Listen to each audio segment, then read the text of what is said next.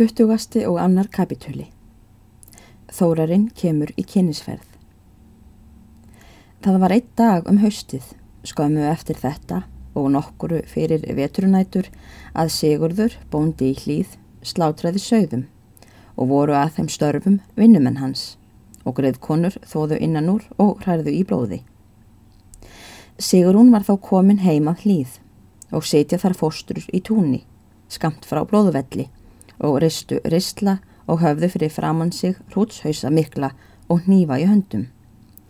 Var rislunum brugðið um hornin á hausunum og letu þær svo hausana halda í á meðan þær ristu. Sigurún var svo klætt að hún var ist fata í pilsi einu mjög slittnu og karbættu og á alla vega litar bætur. Sumarljósbláar og sumar sögð svartar en pilsið hafði verið í fyrstu dökk blátt en var þó farið að upplítast fyrir allir sakir og orðið gráleitt. Sigrún var á í peysugarmi, heldur töturlegri, hafði hún kastað þessum töturum yfir sig á meðan hún var í sláturverkonum, svo að hún skildi ekki saurika född sín, en innanundir var hún í hverstaksklæðum sínum, peysu og pilsi. Húfu hafði hún á höfði og brugðið hárunu upp undir í nakkanum og fjall likjan ofan á herðarnar all fögur og huldi þar nær því allt. Sitja þær fóstur svo um stund og tala á við og dreif og eru all kátar. Tekur þá Sigrún svo til orða. Nú held ég fáir þekktu mig í þessum skrúða álengdar sem ekki væru því nákunnugri hér eða ekki höfðu séð mig svona klætta áður. Sá væri samt ekki mannglöggur sem ekki þekkti þig fóstra mín sagði Þórdís. Alltjent er þó hárið á þér auðkennilegt. Eða heldur þú hann þórarinn þinn þekki þig ekki í þessum töturum? Ekki held ég það, sagði Sigrún og ráðnaði við. Hver veit nema hann komi samt í dag? Mér er farið að óra fyrir því að hann komi bráðum. Mér þykir líklegt að það líði ekki á löngu ef hann á annað borð ætlar sér að koma hingað. Það var eins og við mannin mælt. Í þessu stendur einna vinnumönnunum upp þar sem hann var að gjöra til einna sögðunum. Gengur með mörin að tróginu og leggur hann þar saman brotin í blóðtrógið og dýfir fingrinum í það og görur kross á hann til auðkenningar. En er hann ætlar aftur til kindarinnar sem hann var að gjöra til, verður honum litið til melana fyrir utan túnið. Kallar hann þá og segir, þarna koma þá tveir menn ríðandi og reka tvo hesta lausa og þeita í loftinu og er annar á kápu. Standa nú allir upp og horðu á komumenn og bar þá að svo fljótt að þegar eru þeir komnir inn um túngarð og hleypa þeir hestunum engu minna en áður. En er þeir eru komnir heimarlega í traðirnar, kennir Sigrún að þar er þórarinn. Verður henni þá byllt við og segir hún í halvum hljóðum við fóstur sína. Guð hjálpi mér, það er þá hann. Svo voru þeir þórarinn þá nær komnir bænum að Sigrún sér ekkert ráðrúm til að skjótast inn í bæin en fyrir hvern mun vill hún ekki að þórarinn helsi sér þar og sjáu sig svo tötralega til fara.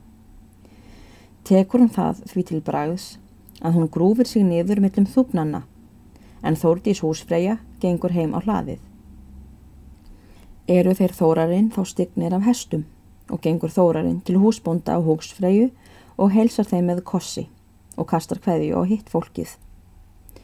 Þórdís þekkti vel þórarinn og voru þau málkunnug, tekur hún þá svo til orða. Þér megið ekki taka til þess þórarinn minn þó við séum hérna hálf sóðalega til fara.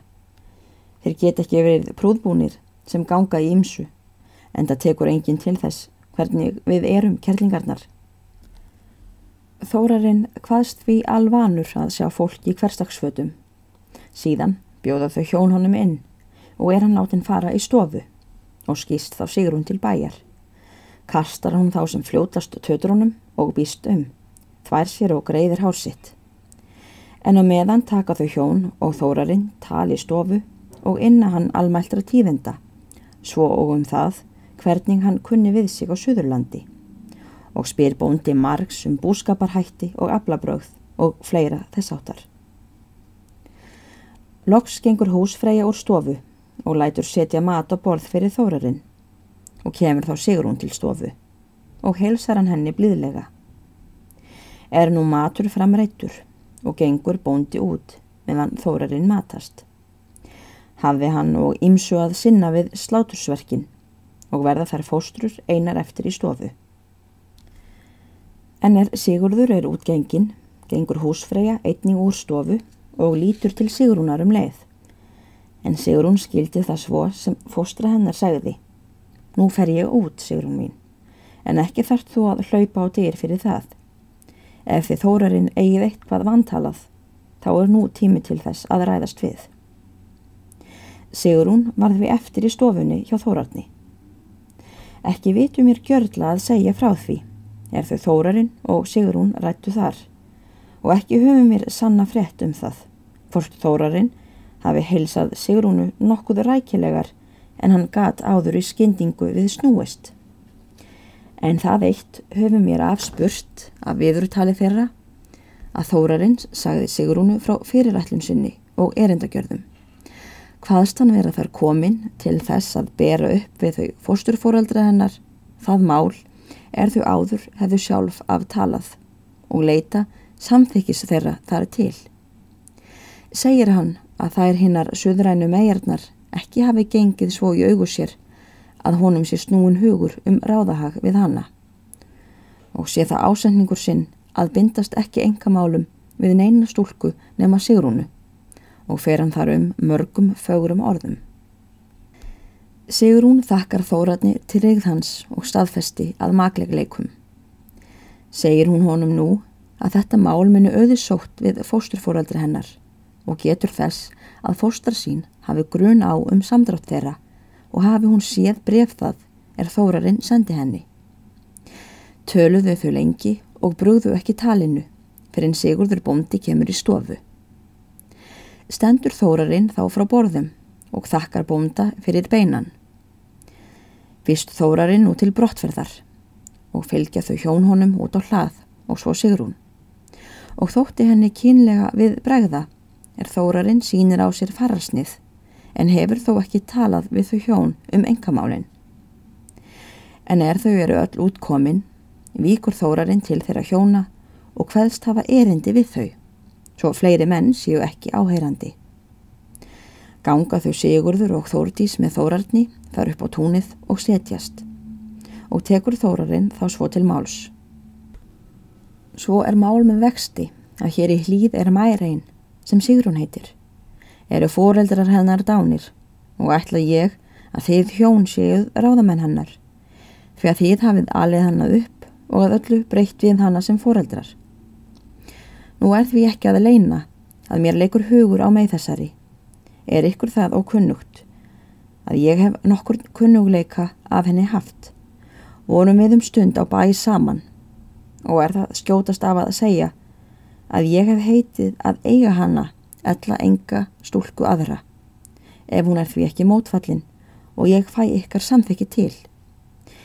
Þykir mér miklu varða hverju þið svarið til þessa máls. Þegar þórarinn lögmáli sínu var það nokkur þögn á þinginu. Leitu þau hjón hvort framann í annað eins og þau hugsuðu hvort fyrir sig.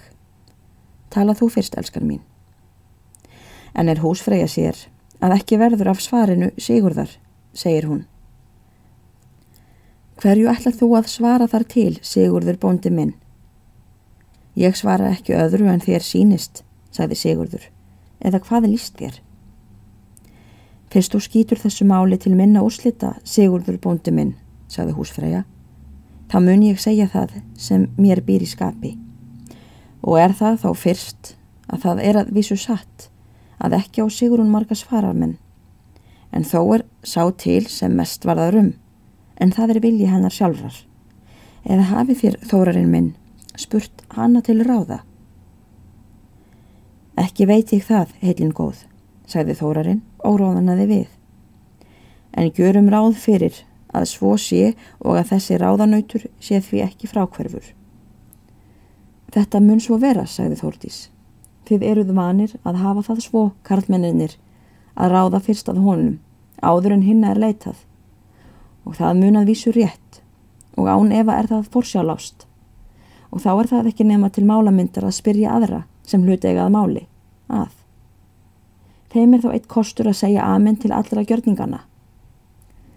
En svo ég sleppi nú þessu en svari yður, þórarinn minn, þá er það af mér að segja að ég er fullkomlega samþykk fyrir allun ykkar, fyrst það er ljúfur vilji ykkar begja. En það sæti það ekki á mér sem lítið eða ekkert hef ég gjört sigrunu gott, að fyrirmuna henni það sem ég sé að er henni til sóma. Það munu flestir mæla ef þessi ráðahagur tekst að Sigrún heldur seilist í skári endan en að þér takið upp fyrir yður. Og það er von ef lítið er til ástæðana. Hún er umkomu lítil. Ég ætla ekki að segja umkomu laus. En þér glæsilegur maður og líklegur til hamingju ef Guð gefur yður helsu. En þó að Sigrún litla sé munaðarlaus, þá er mér svo langt til hennar að ekki myndi mér falla það létt ef hún erði fyrir bregðmælgi. Og segi ég það ekki af því að ég haldi annað en þér séu svo heiðverður maður að þér talið ekki annað en yður býr í brjósti. Það þætti með illa fara, sagði Þórarinn, ef nokkur hefði grunum að ég hefði nokkur undirmál í þessu eða öðru.